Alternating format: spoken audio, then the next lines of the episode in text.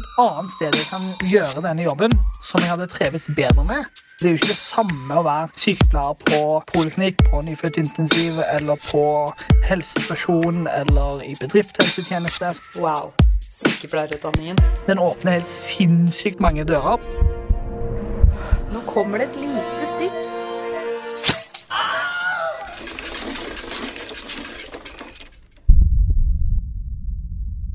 Velkommen til en ekstraepisode av Hjelp jeg sykepleier.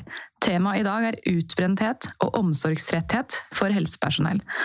Og jeg vet ikke om jeg skal si det er litt ironisk at jeg lager en episode om dette nå i disse dager, når jeg selv egentlig holder på å bli utbrent, eller om det er akkurat nå det er helt perfekt å lage en episode om nettopp dette. Gjesten jeg har med i studio i dag, heter Ina Ekerstuen, er utdannet psykolog og driver Instagram-kontoen Jobbsyken, der hun sprer mye viktig informasjon om arbeidshelse. Velkommen til studio! Tusen takk. Ja, Få høre litt om deg, da. Hvor har du jobba og sånt? Jeg har um, jobbet litt rundt omkring, egentlig. Um, jeg har um, jeg startet karrieren min i uh, det som heter spesialisthelsetjenesten, og det vil jeg tro de fleste sykepleiere kjenner til. Det håper jeg. Det er jo da innunder staten. Yes. og har egentlig jobbet der både poliklinikk, døgn, eh, også noe som heter Raskere tilbake. Eh, og så har jeg jobbet eh, på, altså også under studietiden min da, som miljøterapeut på en lukket avdeling. Og nå jobber jeg da i kommunehelsetjenesten, i tillegg til litt sånn privatpraksis, da. Mm. Mm. Da har du litt, litt forskjellig erfaring. Ja. Mm. Men fortell litt om Instagram-kontoen. Ja Hvordan ble den til? Du, ja, det er, det er litt sånn godt spørsmål, fordi jeg har tenkt litt på det. Sånn, hvordan skjedde det her? Um, og det tror jeg egentlig handler om at jeg har et sånt uh, litt sånn brennende engasjement for arbeidshelse. Og, og, jobbet en del med klienter som har hatt problemer knyttet til arbeid. Også fordi at jeg ser hvor mye jobben vår har å si for, for den mentale helsen vår, og også somatiske helsen Thank you. Jeg har, jeg har, også tenkt at eh, jeg syns det er litt lite kunnskap da, om hvor mye jobb har å si på, på psyken vår. Eh, ofte det at eh, det å trives på jobb har masse å si for hvordan vi trives på privaten. Eh, og trives vi ikke på jobb, så, så det jo, går det utover veldig mange områder da, i, i, livet vårt. Og så er det jo det der at eh, jeg syns det er veldig mye behandling i jobb. Eh, jeg har jo hatt veldig mange klienter jenter som har eh, vært ute av arbeid, kanskje aldri vært i jobb før, ikke sant? Eh, men hvor jeg da har sett at eh, jobb har faktisk kunnet fungere som en sånn fin, fin redning da, fra både angst og depresjon og andre ting. Så ja. Så jobb kan gjøre deg friskere, men det kan også gjøre deg sykere? Det kommer helt an på? Absolutt. Det, og det, det, tror jeg er veldig viktig å huske på. Vi er helt avhengig av å trives i jobben vår. Det er vi. Mm. Nå skal vi snakke om utbrenthet, og hva er egentlig det? Ja, hva er utbrenthet? Utbrenthet, det er det er på en måte en tilstand. Eh, det blir jo nå snart en diagnose, for øvrig, i ICD-11. Ja, det blir det? Ja. Så bra. Eh, det er bra. Det er jo da en tilstand hvor eh, hvor kroppen og hodet har vært utsatt for veldig stor arbeidsbelastning i for lang tid. Eh, vi har vært i stressmodus for lenge til at kroppen klarer å hente seg inn igjen. Fordi kortvarig stress det er ikke noe problem. Det har vi jo alle av og til, og det er jo også fint for å kunne skjerpe oss og kunne håndtere veldig mange situasjoner. Vi er jo avhengig av det. Men hvis nervesystemet vårt har vært aktivert for lang tid, og eh, ja, for Dere sykepleiere kjenner kanskje til det autonome nervesystemet. ikke sant? Det er jo da det nervesystemet som vi på en måte ikke kontrollerer noe særlig, sånn, som setter i gang. For vi har jo um, det sympatiske nervesystemet, som på en måte er gasspedalen vår. Eh, som gjør at vi skjerper oss i situasjoner. ikke sant? Øker blodtrykket vårt, pulsen, hjerterytmen, de tingene der. Eh, og så har du det parasympatiske nervesystemet, som, som bremser oss litt, ikke sant? som gjør at vi skal hente oss inn igjen. Og hvis vi kjører på for mye med det sympatiske nervesystemet i en sånn overaktivering og er der for lenge, så ødelegger vi litt balansen vår og evnen vår til å hente oss inn igjen. Eh, og, og da blir vi rett og slett utbrent. Kroppen vår funker ikke lenger. Eh, så det, det, handler ikke om å være lat. Det er rett og slett at kroppen ikke klarer å hente seg tilbake. Så hva skal jeg si, på litt sånn folkemunn, det er next level of sliten? Ja, det er det. Ja. Og veldig litt sånn alvorlig nivå av slitenhet, vil jeg si. For sliten, det kan vi alle være. Også, og vi kan også være sliten over lenge perioder, ikke sant. Um, av ulike grunner, men med utbrenthet så er det, det er, det er på et helt annet nivå. Kan det bli sånn da at man ikke klarer å gjøre helt vanlige små ting lenger? Sånn som å ja, bruke kaffetrakteren eller sette på en ja. oppvaskmaskin? Liksom. Kan det bli sånn? Ja, dessverre. Ja. Det kan bli sånn. Og, og, jeg har møtt flere som har vært der, og det er kjempefortvilende mm. å komme dit, for at man kjenner seg ikke igjen, vet du. Nei, og hukommelsen kan vel også svikte, altså det kognitive. Ja, ja absolutt. Ekkelt at det bare blir et sånn Ja. ja ikke kjenner seg igjen, som du sier. Jeg hadde jo en gjest her i studio for ikke så lenge siden som hadde vært utbrent. Hun sa at jeg følte meg helt sånn dement sa hun hun hadde vært utbrent. Det er det mange som sier. Eh, jeg hadde, hadde en gang en eh, klient som eh, som hadde jobbet kjempemasse over lang tid, og i tillegg jobbet også veldig mye på privaten. Han hadde et yrke som også gikk litt sånn over i det private, var vanskelig å skille. Og han var en skikkelig handyman, men da han ble utbrent, så klarte ikke han å skifte lyspære. Så, så det er Ja. Men vi har ulike nivåer. Nå skal ikke jeg sitte her og skremme folk. Eh, det er heldigvis på en måte noen signaler før det kommer dit hen. Men det, det, er jo også viktig å belyse folk om at dette her er ikke en vanlig slitenhet. Dette er en tilstand man skal ta på alvor. Er det det her som måte, litt i gamle dager ble kalt å møte veggen? Er det samme greia? på en måte? Ja, eh, jeg, jeg tror det. Men eh, samtidig så tror jeg også jeg, Eller jeg eh, opplever i hvert fall at jeg hører kanskje mange si sånn Ja, jeg gikk på veggen, gikk på en smell. ikke sant? Og det, det tror jeg kan være ganske dramatisk. Men så tror jeg også det, det kanskje blir brukt litt i sammenhenger som, hvor det kanskje ikke har utviklet seg helt til en utbrenthet, da, men kanskje at man har vært på nippet. Men, mm. men, eh, men, jeg tror også mange som har vært utbrent, når de skal forklare raskt til andre hva som har skjedd den siste tiden, at det er vanlig å si 'jeg gikk på en smell' eller 'jeg møtte veggen'. Ja, rett og slett. Mm. Og omsorgsretthet, da. Eh, det, kanskje, det, er kanskje litt sånn knytta til utbrenthet blant helsepersonell, eller er det to helt forskjellige ting? Uh, altså, eh, omsorgsrettet kan vi, det kan vi tenke er um, er på en måte en sånn mellomting mellom utbrenthet og, og sekundær. Har du, har du, hørt om det? Er det noe folk vet om? Nei. Nei. Eh, det er, jo, det er jo ofte noe spesielt sykepleierelever kan kjenne på. Da. Hvis man er altså, er sammen med folk som har opplevd traumer. ikke sant? Eh, det kan jo være psykologiske traumer. At du f.eks. er sykepleier for, eller miljøterapeut da, for en, en, traumepasient. Eller også er eh, sykepleier for eh, en som gjennomgår alvorlig kreft, eller de tingene der. Da kan man oppleve sekundærtraumatisering. Dvs. Si at man, man får eh, litt sånn PTSD-symptomer eh, av å være vitne til den lidelsen til andre. Eh, og det er litt det omsorgstretthet er òg, men omsorgstretthet handler først og fremst om at vi har vi har brukt oss så mye og vært så tett på lidelse og yt så, så, mye omsorg at vi rett og slett føler at vi har brukt opp litt empatien vår. Man blir litt lei, får litt nok, på en måte? Ja. ja. Mm man gjør det. Så eh, Forskjellen på omsorgsrettet og utbrenthet er jo at utbrenthet handler, eh, det handler liksom, kort fortalt om eh, arbeidsbelastning, ikke sant? mens omsorgsrettet handler om innholdet i jobben din. Eh, og det er jo noe da helsepersonell først og fremst står i. Og omsorgsrettet er også noe man kan oppleve som f.eks. pårørende. ikke sant? Ja, det vil jeg tro. Mm. Kanskje som forelder òg? Ja, ja, ja, det kan jeg ja. Det kan skrive under på. Det kan jeg skrive under på, ja.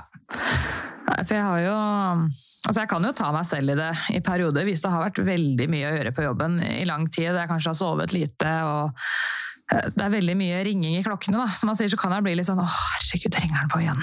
Kan jeg ta meg og tenke sånn at jeg blir litt sånn irritert? Kan du ikke bare gå på do sjøl? Ja. Det er jo sånn, Jeg kan ikke si sånne ting høyt, så det er jo verdens verste sykepleier. Men jeg kan ta meg selv og tenke sånne ting, og jeg tror ikke jeg er alene. Nei, det er kjempevanlig. Det er veldig, veldig vanlig. Eh, Men kanskje ikke noe som snakkes så mye om? Eller hvordan er det med, altså, har du hørt mye om omsorgstretthet? Ikke at man bruker det ordet, men jeg merker jo at folk har fått litt nok sånn typ vaktromsprat. Da. da prater man jo bare ut om alt man er irritert på, på en måte. Ja. Og da kan jeg jo tenke at kanskje noen er litt mer slitne enn andre. Mm. Fordi jeg merker noen kanskje blir fortere irriterte, da. At man ikke har den derre iveren etter å hjelpe, på en måte. Ja, men er det da noe dere snakker om sånn, sånn fra et metaperspektiv? At hva er det som skjer her og nå? Er det omsorgstrettheten vi, vi kjenner på nå? Er vi litt slitne, eller er det bare litt sånn containing? Ja, mer containing. Ja. Vi har ikke hatt noe på en måte seminar om det, eller snakket Nei. om det i plenum og brukt ordet omsorgstretthet i en sånn metasamtale. Det har vi ikke. Vi burde kanskje gjort det. Ja. Det tenker jeg er kjempeviktig. Men dessverre, igjen, for, for lite fokus på. Det er i hvert fall mitt inntrykk. Mm. Og jeg tenker sånn, Alle har jo sikkert sett Brennpunkt nå. Omsorg bak lukkede dører med skjult kamera. Det, kanskje, altså det ser jo helt forferdelig ut, men så er det jo kanskje tatt ut av kontekst, og vi vet jo ikke hva annet som skjedde den vakta, eller hvor dårlig bemanningen var, eller om kanskje de pleierne ja, lider av omsorgstretthet, eller hva som egentlig var greia. Nei, nettopp. Og, og det du sier der, tror jeg er veldig viktig, fordi det vil kanskje alltids være noen i omsorgsyrker som kanskje ikke helt egner seg eh, for å være i en sånn type jobb, men, men det tror jeg er så liten prosent. Eh, så, så det er nok kanskje i noen tilfeller tatt litt ut av kontekst, og så tror jeg det har veldig mange naturlige forklaringer ved at det er enormt arbeidspress på de som jobber der, eh, og at det er en del liksom, forsvarsmekanismer, eh, fordi man på et vis må også distansere seg litt emosjonelt når man skal rekke så mye på så kort tid. Da. Det gjør noe med oss mennesker. Så ja. Jeg husker da jeg gikk eh, helsefagarbeiderlinja på videregående, begynner å bli noen år siden, men da lærte vi på en måte litt sånn å skille mellom empati og sympati. Og nå vet jeg ikke om definisjonen på det er like lenger, men vi lærte på en måte at empati, da skulle man ha forståelse for det pasienten gikk gjennom, da. Både følelser og alt, men sympati, det var litt mer sånn da satt man seg ned ved siden av pasienten og gråt med dem, og det skulle man ikke gjøre, da. Ja. Så jeg vet ikke om det skillet er sånn nå lenger. Det vet jeg ikke. Altså, ja, vi skiller jo mellom sympati og empati, men så er det jo liksom ulike empati. Altså, du har jo det som heter litt mer sånn kognitiv empati, eksempel. Så er det jo mer sånn tankemessig sette seg inn i hvordan den andre situasjonen har, og så har du mer den emosjonelle empatien hvor du virkelig kjenner på det, da. Og sympatien er jo kanskje det der å sympatisere med noen og sette seg ned og gå litt inn i det de opplever. Og så er det jo veldig enkelt å si at eh, nei, bare vær empatisk, ikke sympatisk. Det var litt sånn vi fikk det servert av læreren. det, det går jo ikke. Eller Det det, det, klarer i hvert fall ikke jeg. Altså, vi er jo mennesker. Det blir, liksom, det blir litt som å si at eh, ikke ta med deg jobben hjem.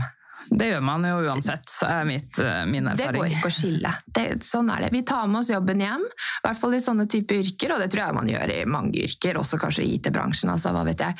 Men, um, men det er litt sånn eh, Hva gjør du når du tar med deg jobben hjem? Ikke sant? Men å si at folk ikke skal ta med seg jobben hjem, det er eh, et helt eh, urealistisk krav. Jeg husker det var en av veilederne jeg hadde da jeg var eh, elev. Og det var sånn, ja, men eh, du vet, den situasjonen der, du syns kanskje det er skikkelig fælt og ble lei deg, men når jeg går ut den døra da, så har jeg glemt henne. Jeg bare, å herregud, åssen går det an? Husker jeg tenkte, åssen får man til det? For når jeg kom hjem da, da var jeg bare 16 år, jeg gråt, for jeg hadde sett et menneske som hadde så stor lidelse, et menneske som lå skrek av smerter og Veldig sånn langtkommen alkoholisme, leverskirose, asitisveskehet, gul. Hun hadde, hun hadde det så vondt. Så når jeg kom hjem da, så gråt jeg og snakka med mamma om det, uten å selvfølgelig bryte noe personvern. Men eh, Uff, ja.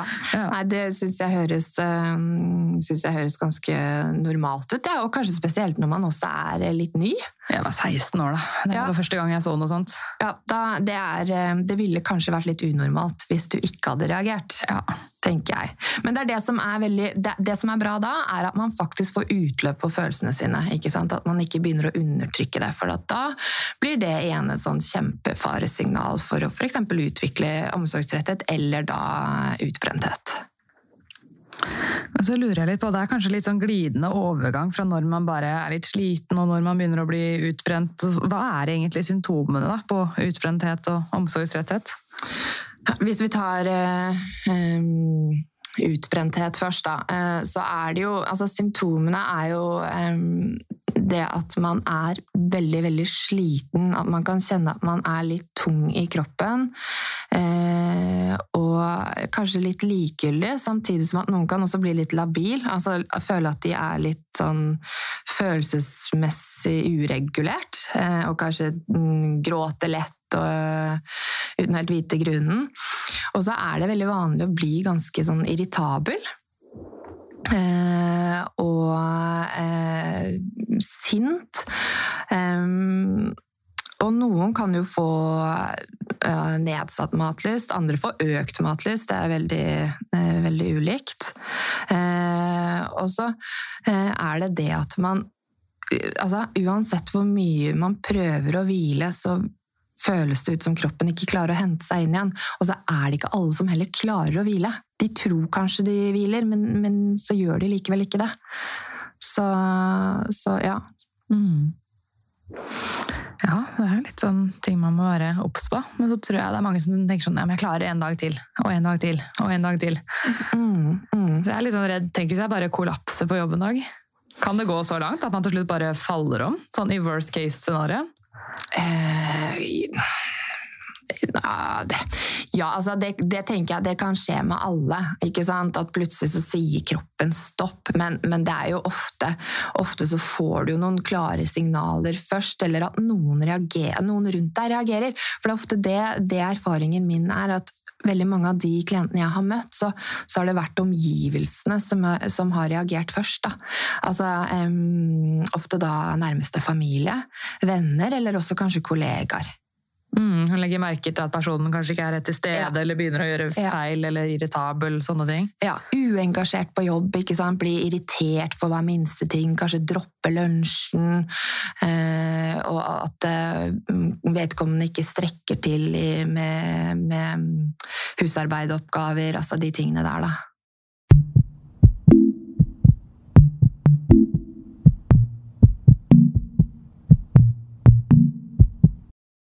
Skal vi se, konsekvenser, det snakka vi jo litt om. Men eh, ja, konsekvenser på kort sikt og lang sikt. Er det noen forskjeller der? Kan det f.eks. bikke over i en depresjon eller i angst, Mm. hvis man ikke gjør noe med det? Ja. Ja. Eh, altså, det er ikke noe sånn automatikk i det at du, når du går på en smell, som vi kan kalle det, så, så, så går du inn i en depresjon eller utvikler angst. Men det som er at eh, det blir jo på en måte en litt sånn kjemisk ubalanse i hodet. Og så er det jo det at hvis du blir utbrent og ikke fungerer lenger, så gjør det noe med selvfølelsen din.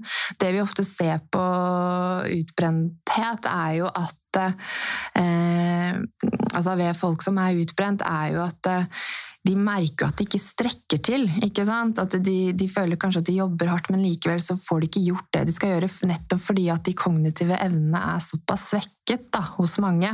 Dette med konsentrasjon og hukommelse spesielt, ikke sant? Ehm, og da prøver man liksom å overkompensere litt uh, ved å jobbe enda hardere, og så blir du enda mer syk, ikke sant? Så ehm, så det, det er jo på en måte litt sånn faresignalet ved, ved depresjon og angst. Og så er det jo det eh, som jeg da er veldig opptatt av, at eh, man, man risikerer jo da å falle helt ut av arbeidslivet. Og det gjør noe med deg. Virkelig. Ja, At det blir da skikkelig vanskelig å komme tilbake igjen i jobb, rett og slett. Ja. Så blir man i systemet, som man kaller det, da, i lang, lang tid. Arbeidsavklaringspenger, hele den pakka der, Nav-systemet. Det er jo en egen jobb i seg selv, har jeg skjønt, å Ja. forholde seg til Nav. Ikke noe vondt ment om Nav hvis det er noen som jobber på Nav som hører på, men jeg har skjønt at det ikke alltid er så lett, da. Mye papirer og sånt. Ja, det er kjempevanskelig. Det har jeg selv eh, holdt på med, og jeg synes det er, det er nesten så du må være utdannet sosionom for å klare å Ja. forstå det. Så, eh, ja, og så er det jo veldig mange som har sant, tilhørighet, eh, kjenner på den tilhørigheten sin på jobb, og det er mye eh, identitet knyttet til jobb, så det å falle ut av det, og falle ut av rutinene sine, som vi vet er kjempeviktig for vår mentale helse.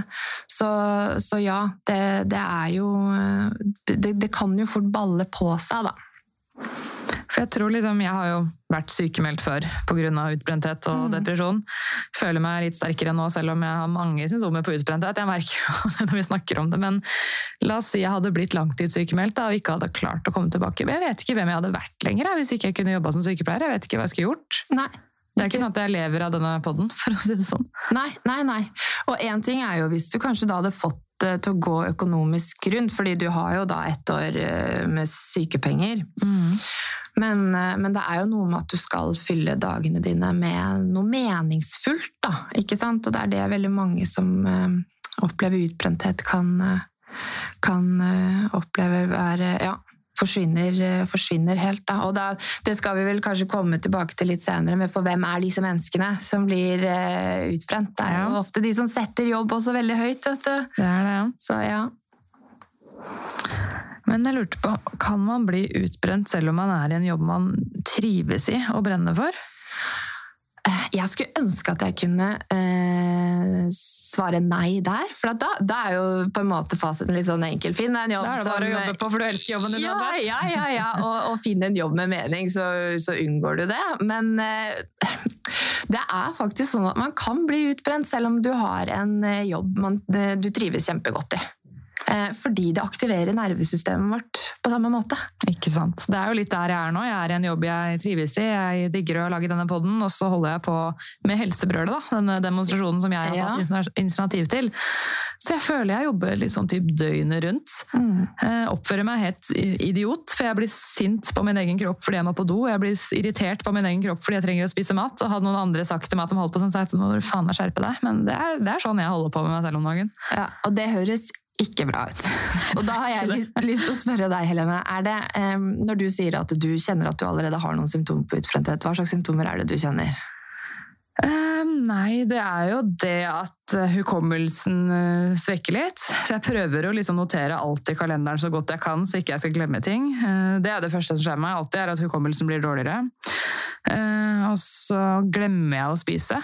Jeg er egentlig veldig glad i mat. Jeg, jeg glemmer det. Eh, Det er liksom når det, det er helt sånn jeg holder på å besvime og det rumler i magen, så bare å herregud, det er tolv timer siden jeg har spist. Sånn pleier jeg ikke å være. Det, sånn pleier jeg virkelig ikke å holde på. Og at jeg blir irritert på min egen kropp fordi jeg må på do. og har litt lettere for å bli irritert, kanskje. Det er ting jeg kjenner på. Mm. Og, for du har en samboer. Hva, hvordan er det han opplever deg hjemme? Nei, han er bekymra for meg, for å si det mildt. Mm. Han er det. Og det er jo ofte pårørende, de nærmeste pårørende rundt oss, er ofte et ganske sånn mm, godt kompass da, Ja. på hvor, hvor er det vi egentlig beveger oss hen her. For det, det kan ofte være litt verre enn hva vi, vi kjenner selv, men, men nå høres det i hvert fall ut som du er bevisst på det, og så lurer jeg jo veldig på om du har en plan da. Skal du holde på sånn her i det uendelige, eller er dette... Jeg skal ikke, Det er på en måte en gulrot her. Fordi etter den 28. februar Jeg sier ikke at da er helsebrølet ferdig og jeg skal aldri kjempe den saken igjen, det skal jeg, men da får jeg litt mer ro. Og så er det da to uker etter det, så skal jeg ha ferie. Ja. Så jeg kan glede meg til det. Og så nå tidligere denne uka her, så sjekka jeg inn på hotell med min samboer, på spahotell, og bare la fra meg telefonen, og det var så deilig. Jeg skulle gjerne vært der en uke. Og det klarte du. Du klarte. Det er mobilfri sone der, så jeg har ikke noe valg. Men klarte du å, roe ned med tankekjør og de tingene der også? Ja, altså Det blei jo ikke helt 100% borte, men det var, jeg klarte å slappe av. Ja. Faktisk, det gjorde jeg, og jeg sov kjempegodt. Det er veldig bra. veldig Ja. bra. Ja. Så du har jo, ikke sant, og det er jo det at vi, vi, kan jo vi kan holde på en stund, det, det klarer vi, men det er viktig at man da har det, har en plan på at ok, etter den 28. så blir det roligere, og jeg skal ha to uker ferie, ikke sant? Så, Ja, en uke ferie, da. Men Ja. to uker etter. Ja, så ok, begynner ja. den. Ja. Og, og så er det jo, eh, søvn er jo veldig viktig. Eh, For, så jeg vet ikke, er det, sover du ok? Eller er det Ja, jeg og søvn er jo et eget kapittel, men det er sånn, selv om jeg kanskje har fri, så kan jeg sitte og jobbe til klokka fire på natta. Det gjorde jeg i natt før jeg skulle hit. Eh, Men jeg fikk vel seks og en halv time. Jeg syns ikke det er så verst. Det kunne jo vært eh, færre timer. Ja, ja da. Men jeg ser at jeg må dessverre sende noen mails etterpå og avlyse noen podkastinnspillinger fremover, og det liker jeg ikke å gjøre. Eh, Men det er ting som kan vente. Jeg kan spille inn de senere, så jeg må gjøre det så fort jeg kommer. Jeg har skrevet meg en liste på ting jeg må huske å gjøre i dag. Og det er annet å avlyse avtaler. Veldig bra. Og det, akkurat det du sier der, det er kjempeviktig. fordi når vi skriver ned ting, så klarer vi også å roe ned angstsenteret i hjernen. Fordi grunnen til at vi spinner rundt på ting, sånn som med bekymringer og sånn, husk det, husk det, så er det fordi angstsenteret vårt er redd for å glemme, og da aktiverer det nervesystemet vårt enda mer. Så det å skrive ned ting er kjempelurt. Det er veldig deilig å bare få det ut, for etter at jeg skrev ned det, så klarte jeg å gå og legge meg. Bare sånn, ok, nå har jeg en plan for i morgen, nå legger jeg meg, så hører jeg på min egen podkast, for da sovner jeg. Nettopp, ja. ja, ja, ja, ja. ja men det, det, det høres, eh, høres lurt ut. Og så er det jo Du er jo på.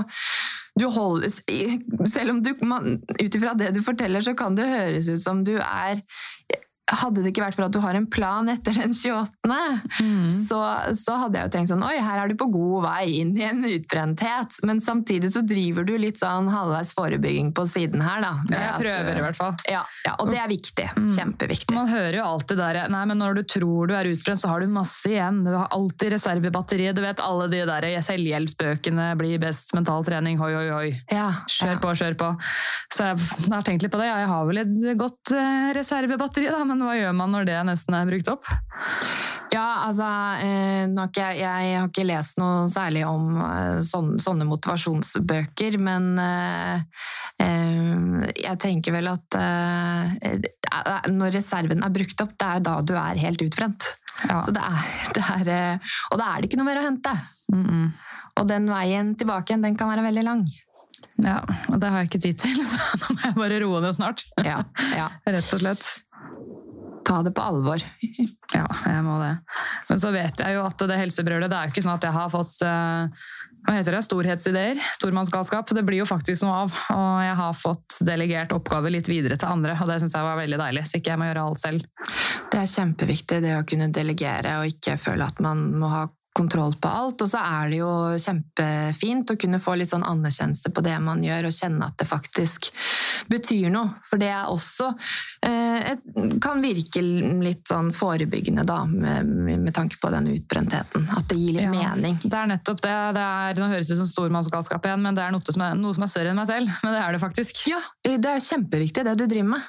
Så, og, og vanvittig slitsom, men det, vil nok gi, det gir nok veldig mye mening for veldig mange andre også.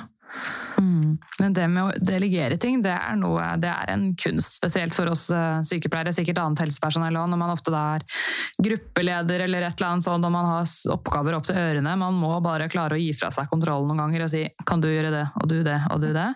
Takk, fint. Da fortsetter vi arbeidet. Ja. Men noen klarer ikke det. De er sånn 'nå nei, jeg må gjøre det, eller så mister jeg kontrollen'.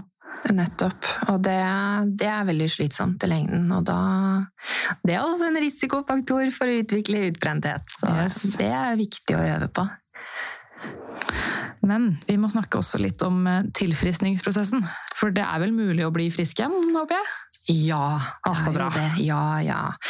Eh, Det er absolutt mulig å bli eh, frisk fra utbrenthet. Eh, er, utbrenthet er jo noe veldig mange av oss vil kunne oppleve i løpet av livet. Eh, De fleste av oss kjenner jo også noen som har vært utbrent, hvis man ikke har vært, vært det selv. Så ja, man kan bli frisk eh, fra utbrenthet. Eh, Det er, eh, men det kan være veldig ulikt hvor lang tid den tilfriskningsfasen tar. Det kan det. Nå har ikke jeg noe tall på hvor lenge, eller noe statistikk på det. Eh, det vet jeg, ikke om det, jeg vet ikke om det finnes, eh, for å være helt ærlig. Det er kanskje litt vanskelig. Det er jo ikke en ordentlig diagnose ennå, så da er det liksom ikke sånn opplegg for det. Det er vanskelig å forske på. Vi må liksom bruke tall fra Sverige og sånn, fordi de har en egen eh, diagnose på det. Men, men uansett, det, det, det, er veldig variabelt, da, i hvert fall. Sånn. Mm. Men må man oppsøke hjelp, eller holder det å på en måte bare hvile seg litt? Det er Jeg syns det er et sånn godt spørsmål, for generelt så syns jeg det kan være litt um, vanskelig å svare på altså, egentlig når det gjelder alt ved vår psykiske helse, når er det vi egentlig trenger noen profesjonelle å snakke med? Altså, hvor går den grensen for når du skal håndtere ting på egen hånd sammen med venner, familie eller andre, eh, kontra når du faktisk eh, bør oppsøke en profesjonell? Eh, men når det gjelder eh, utbrenthet, så vil jeg nok i de fleste tilfeller eh, råde folk til å søke hjelp. Eh, fordi at det er så innmari stor fare for tilbakefall hvis man ikke helt klarer å se eh, hva årsakene var. Og ofte så trenger vi litt hjelp til det.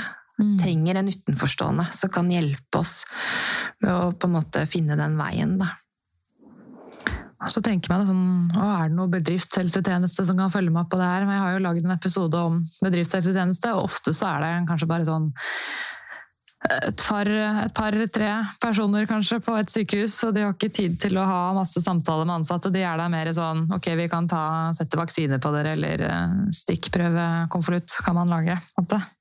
Har du noe kjennskap til bedriftshelsetjenester på de store sykehusene? Ja, vet du hva, Jeg er litt usikker på hvordan det funker. Jeg vet i hvert fall at vi, eh, der jeg jobber nå, men det er jo kommunal eh, helsetjenesten. Og, eh, der har vi jo tilgang Alle må jo ha en bedriftshelsetjeneste, og der vet jeg at vi kan få muligheten til å snakke med noen der hvis man eh, ønsker det. Eh, så det er nok veldig ulikt hvordan de bedriftshelsetjenestene skal eh, Hvordan de opererer og hvor mye kapasitet de har. Dette her er jo dette er det noen andre som kan bedre enn meg. Men det er jo en problematikk som de også skal kunne ivareta fordi det er arbeidsrelatert. Mm. Ja, jeg syns man bør egentlig bemanne opp bedriftshelsetjenesten mer og satse mer på det. Fordi er det ikke sånn Er det 30% eller noe av all sykefravær som er av psykisk helse? Ja, det er i hvert fall veldig, veldig, høyt, ja. ja. Eh, og, også, ja. og, veldig mye som er arbeidsrelatert. Og det er veldig mange som ikke vet hva bedriftshelsetjeneste er, eller hva, hva det innebærer. Eh, at man, he, at man, i det hele tatt kan få hjelp via jobben sin. Eh, mange i privat sektor har jo ulike avtaler, hvor de kan få, altså forsikringsavtaler, hvor de kan få snakke med psykolog, eh, f.eks. Eh, gjennom, eh, gjennom ulike firmaer. da som jobben da betaler. Mm. Så, men eh, i det offentlige så tror jeg nok eh, veldig mange er usikre på hva, hvilke rettigheter og hva slags tilbud som er der ute. Det er i hvert fall verdt å sjekke opp med ledelsen der man jobber, da, hvis man holder på å bli utbrent. fordi det også skal egentlig Hvis du holder på å bli utbrent, så skal faktisk arbeidsgiver tilrettelegge det, det, er de pliktet til å gjøre. Arbeidsgiver er også faktisk altså Ledere er også pliktet til å ivareta den psykiske helsen til, til sine ansatte. Eh, og så kan man jo liksom ok, mm, definere det, da. Hva, hva innebærer det? Eh, hvor høye krav skal vi ha til lederen vår? Hvor mye kontroll skal vedkommende ha på hver enkel ansatts eh, helse. Men, eh, men, hvis en ansatt kommer og sier at 'nå er jeg så sliten', eh, og jeg vet ikke hva jeg skal gjøre, så, så må leder følge opp det.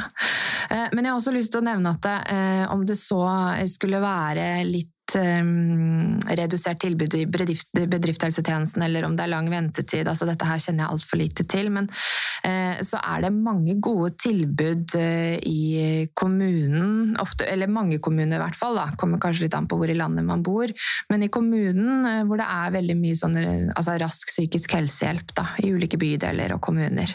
Er det sånn man bare kan ringe til ja. for å få hjelp? Ja, det er litt sånn ulikt fra kommune til kommune, men noen har sånn altså at det ikke er vedtaks kontaktsbasert. Da vil det si at du bare ringer inn, og så får du en time.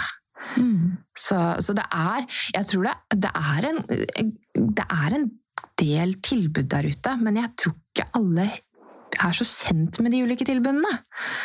Jeg har vært og, og googla det opp litt. Da jeg bodde i Grünerløkka, så var det sånn Da måtte jeg google det fram, så var det et eget skjema jeg måtte printe ut og fylle ut og sende til liksom, via postkassa. Og det var akkurat det samme skjema som om du søker liksom, hjemmesykepleie. Da. Så jeg bare Hæ, men det her ser ut så rart Hvor mange timer i uka trenger du hjelp til?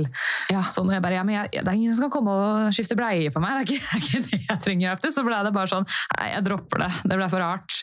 Ja, ja, du, Og i bydelen jeg bor i nå, så er det sånn det er vel åpent for at man kan ringe inn én gang i uka, et lite vindu på to timer. Men så er det sånn, da vil vi helst at du prøver dette e-læringskurset først, som koster eh, hva da, 200 kroner eller bare, å ja.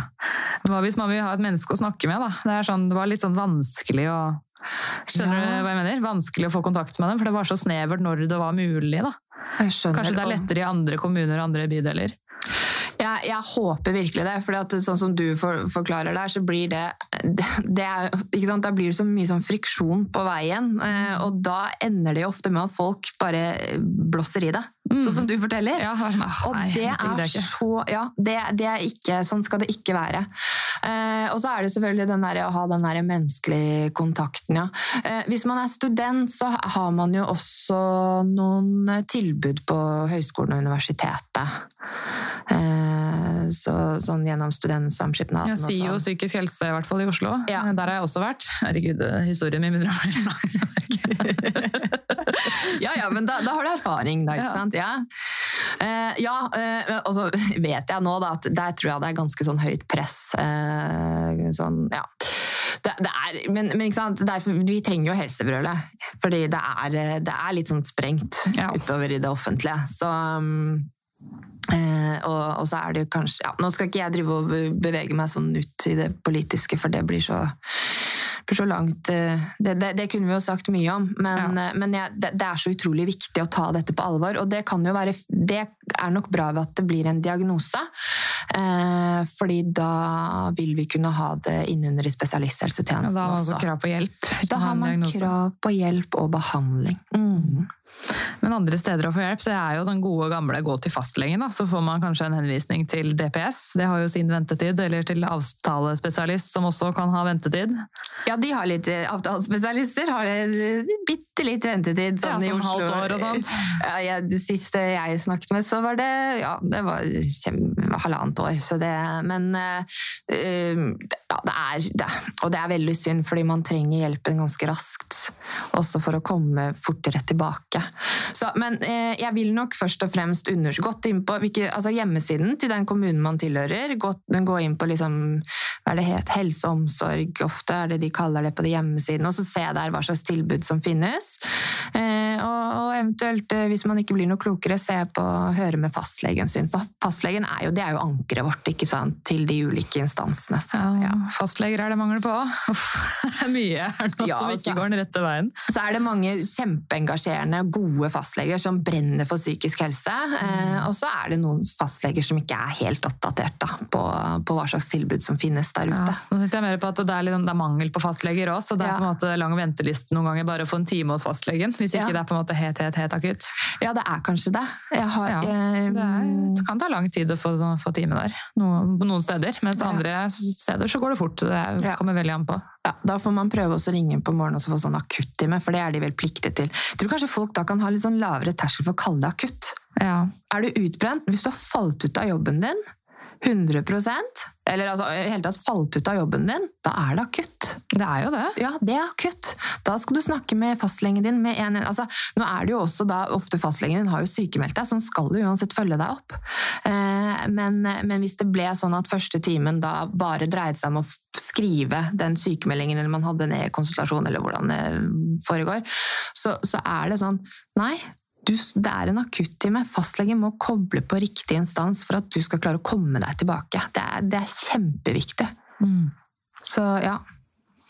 Absolutt. Eller så blir det jo på en måte sånn at de som har penger i lommeboka, da, kan bare gå til det private, så får man time på dagen.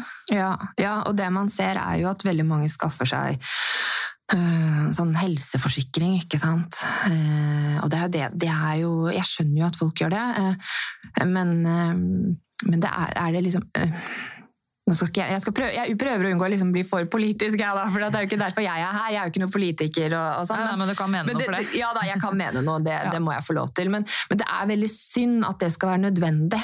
For, fordi man ikke får den hjelpen man, eh, man trenger i det offentlige. Da. Det er ikke det, vi, vi vil jo ikke ha det sånn her i Norge.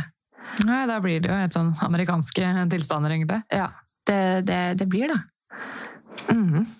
Ja, Så det var litt om hvordan søke hjelp. Men er det noe man kan gjøre for å unngå å bli utbrent? da? Noe litt sånn preventivt? Eh, ja, altså Det er jo det å prøve å på en måte ha litt sånn kontakt med kroppen sin, eh, og, og prøve å kjenne etter signaler, ikke sant? Eh, være litt sånn bevisst på varselsignaler. Eh, og sørge for at man har fritid. For det er, det handler, I det store og det hele så handler det om den der balansegangen mellom jobb og fritid. Eh, For vi kan ikke jobbe hele tiden, uansett om vi syns det er veldig veldig gøy. Så, så må man på en måte ha, ha noen sånne eh, rom hvor, hvor vi går inn i det der hvilemoduset. da, Ved at man er ute i naturen, går tur, eller driver med litt trening, yoga, er med venner. eh, De tingene der, da. Så, så, så det å også tørre å si nei til ting, da. Ikke påta seg for mye. Jeg tror mange sliter med å si nei. Det tror jeg, og det kan godt hende at det er Jeg vet ikke om det er kanskje sånn mer utbredt sånn blant sykepleiere eller helsepersonell generelt, liksom folk som jobber innen omsorg, da. At man eh, Man er liksom ja-mennesker. Det, det kan Ja. godt hende, det, altså. sånn, har det der hjelpebehovet, da, ikke sant? At man også da påtar seg en del privat òg, ikke sant? Når det gjelder sammenkomster med venner, eller ja, det kan jeg fikse, ikke sant? At man, man tør å liksom, vet du hva, akkurat nå så kan ikke jeg det.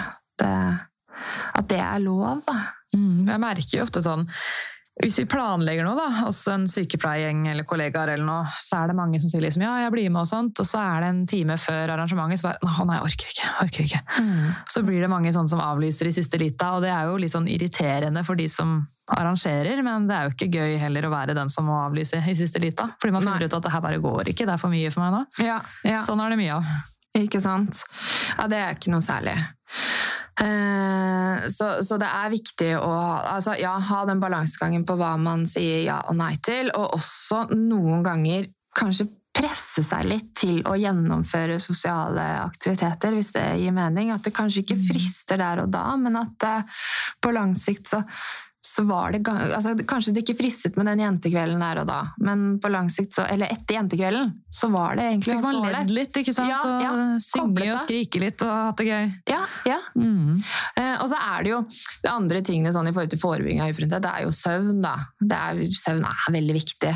Um, også kosthold, trening. Ja, veldig bra. Det er jo liksom de der Det er de kjedelige rådene, på en måte. kjed, Det er kjedelige, kjedelige generelle sånne livsråd som man alltid hører, og man alltid da kan kjenne på. Eh, Jeg klarer ikke å innfri noen av de akkurat nå. Så, sånn er det. Men skrivende ting da, som vi snakket om i stad. Før man skal sove hvis hodet koker av tanker. Det er veldig sånn terapeutisk. Og så er det en god, gammeldags dagbok med, med penn. Kjempeterapeutisk, og det er eh, Ja, det er litt sånn undervurdert hvor stor effekt det faktisk har altså, på, på nervesystemet vårt. Så veldig mange bør gjøre det. Også når de går fra arbeidsdagen. ikke sant? Ok, shit, nå rakk jeg ikke å gjøre alt. Hva, hva er det jeg må gjøre til eh, Hva er det jeg ikke har rukket å gjøre? Skriver ned, så er det klart til dagen etter eller neste uke. Vi gjør jo sånn trappetrening noen ganger på jobb. Eh, og det er litt deilig, for da blir man på en måte ferdig med trening der og da. Så når man kommer hjem, så er man allerede ferdig trent. Deilig. Og så er det litt sånn å herregud, åssen skal jeg orke å trene nå? Jeg, kroppen er sliten, hodet er fullt. ikke sant? Men når man på en måte beveger kroppen og bare jobber med den, da orker man ikke å tenke så mye. Så egentlig så er det veldig deilig for å koble av. fordi det der å slappe av, man trenger ikke bare å, å ligge på sofaen da, for å liksom slappe av og koble av. Det funker ikke for meg i hvert fall. Jeg må heller bevege kroppen for at hodet kan få hvile litt.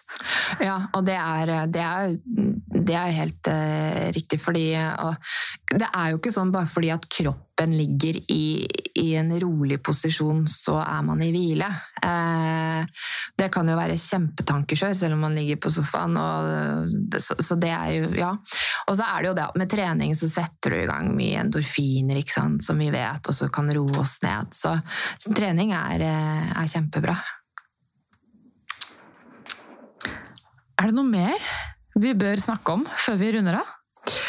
Um, nei, altså det er jo litt det derre um, jeg, jeg, er jo litt opptatt av hva arbeidsgiver kan gjøre for ja. at man ikke skal bli utbrent. Det er jo min sånn ja, hva, kan, hva kan arbeidsgiver gjøre? Fordi eh, de har jo på et vis de har jo et ansvar. Man skal jo ivareta sine ansatte. Og det vi vet er litt sånn risikofaktorer da, for å bli utbrent på, som følge av jobb, det er jo f.eks. Eh, eh, rolleforvirring. At man ikke helt vet hva, hva er det som kreves av meg i den jobben her. Eh, så det er veldig viktig at arbeidsgiver eller nærmeste leder er ganske klar på mandatet til hver sin ansatt. At dette er det du skal eh, gjøre. Eh, sånn at det blir enklere å sette grenser også. For det tror jeg det er veldig mange, kanskje spesielt sykepleiere, som kan kjenne på. At man gjør kanskje mange ting som, som egentlig ikke eh, er ment at eh, jeg skal gjøre. Um, og så er det veldig viktig at arbeidsgiver anerkjenner det sine ansatte gjør. Eh, det er kanskje ikke alltid noe man føler at man eh, opplever. Eh, og så er det å sørge for et trygt eh, arbeidsmiljø, selvfølgelig. Det er jo veldig viktig. Og at man kan være med på å bestemme ting som, som beslutninger som tas da i organisasjonen, og at det er klare prosedyrer på ting som skal som, For hvordan ting skal gjøre, gjøres. Og, og, og, også dette her med veiledning, da. Og, og muligheten for kurs, altså kompetanseheving. Jeg vet ikke, sånn som med deg, du som jobber i somatikken, har dere veiledning? Sånn uh, vi har medarbeidersamtale en gang i året, men ellers det er ikke på en måte satt av noe tid til at noen skal sitte og veilede meg. Det er det ikke, men vi har jo jevnlig sånn heter A4-undervisning. For vi har sånne vakter A står for aften. Så hvis det er A4, så begynner vi en time før og får undervisning. Men det kan være alt fra sånn DIPS-system og behandlingsplan til en eller annen kreftdiagnose. Um, men vi har vel ikke sånn jevnlig sånn nå skal vi sitte oss ned og sjekke åssen vi kan bli bedre. Nei, nei. nei. nei for det er jo også kan noe som kan altså En ting er jo saksveiledning. at Hvis du står i veldig mange medis, altså vanskelige medisinske problemstillinger som du lurer på hva er det som er riktig å gjøre sånn rent faglig sett, men så er det jo også litt sånn prosessveiledning. Hva er det denne jobben gjør med meg? Ikke sant? Hva er det jeg kjenner på når jeg ser at mennesker kan bli så syke? Eh, de tingene der, da. Så mm, det, det, det syns jeg er veldig viktig, og jeg syns det er altfor lite av det på veldig mange arbeidsplasser. Eh, og så er det veldig viktig at arbeidsgiver har fokus på selvivaretakelse, at man tør å være åpen om hvordan jobben påvirker oss. Da. Mm. Eh, at eh, dette dette er en organisasjon eller dette er en arbeidsplass hvor vi skal snakke om hvordan arbeidsoppgavene påvirker oss. Så det vi gjør, da, vi har noe som heter tavlemøter. Det har vi to ganger om dagen. og Da ja. ringer vi inn på klokka, pip, pip, pip, så løper alle på gulvet, så, så, hvis de kan, da, slippe Signe Mari Henna inn. Og så går vi gjennom ok, åssen har vi det nå, da skal lederen være med, åssen går det med dere der ute på gulvet? Uh, da har man jo på en måte muligheten til å si at nei, fytti rakkeren, nå er det altfor mye å gjøre her, vi trenger flere på. Uh, men vi kunne jo kanskje med fordel hatt innimellom i hvert fall noen sånne debrifinger, hvor vi bare skal snakke om hvordan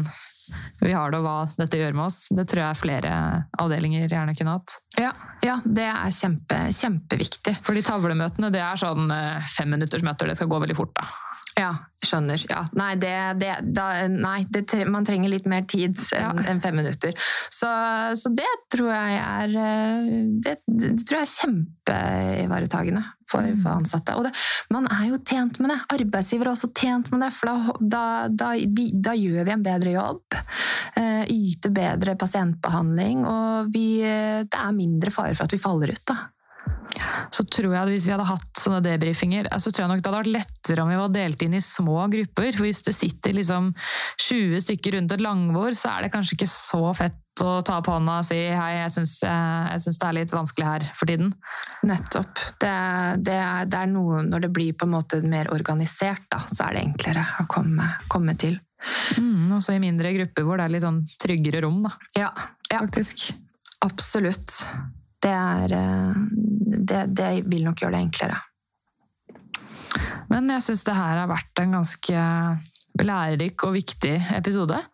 Mm, så bra. Eh, jeg skal eh, hjem nå og sette meg ned og avlyse noen avtaler. det første jeg skal gjøre. Du syns jeg høres kjempelurt ut, og kanskje ja. noen andre også tenker det samme nå etter, etter denne episoden her, at det faktisk det kan være, være bra. Mm. Men Ina, tusen hjertelig takk for at du kom og gjesta podkasten. Tusen takk for meg. Takk for at du hørte på Hjelp, jeg er sykepleier. Hvis du likte episoden, blir jeg veldig glad hvis du vil dele den videre på relevante plattformer. Jeg blir også veldig glad hvis du vil anbefale den videre til venner, kolleger, medstudenter eller andre folk du tror kan få glede av denne podkasten. Hvis du vil få varsling neste gang det slippes en ny episode av Hjelp, jeg er sykepleier, så er det bare å trykke på abonner-knappen her hvor du hører på podkast. Hvis du vil komme med ønsker for podden, eller gi meg tips eller tilbakemeldinger, eller bare følge meg og mitt podkasteventyr, så er du hjertelig velkommen til å følge Hjelp jeg er sykepleier på Instagram. Hjelp jeg er sykepleier er også på Facebook, men det er på Instagram det er desidert mest aktivitet. Der har du også mulighet til å stille spørsmål til Q&A til fremtidige gjester av podden. Du kan også sende meg en mail, og mailadressen til Hjelp jeg er sykepleier står beskrevet i hver episodebeskrivelse.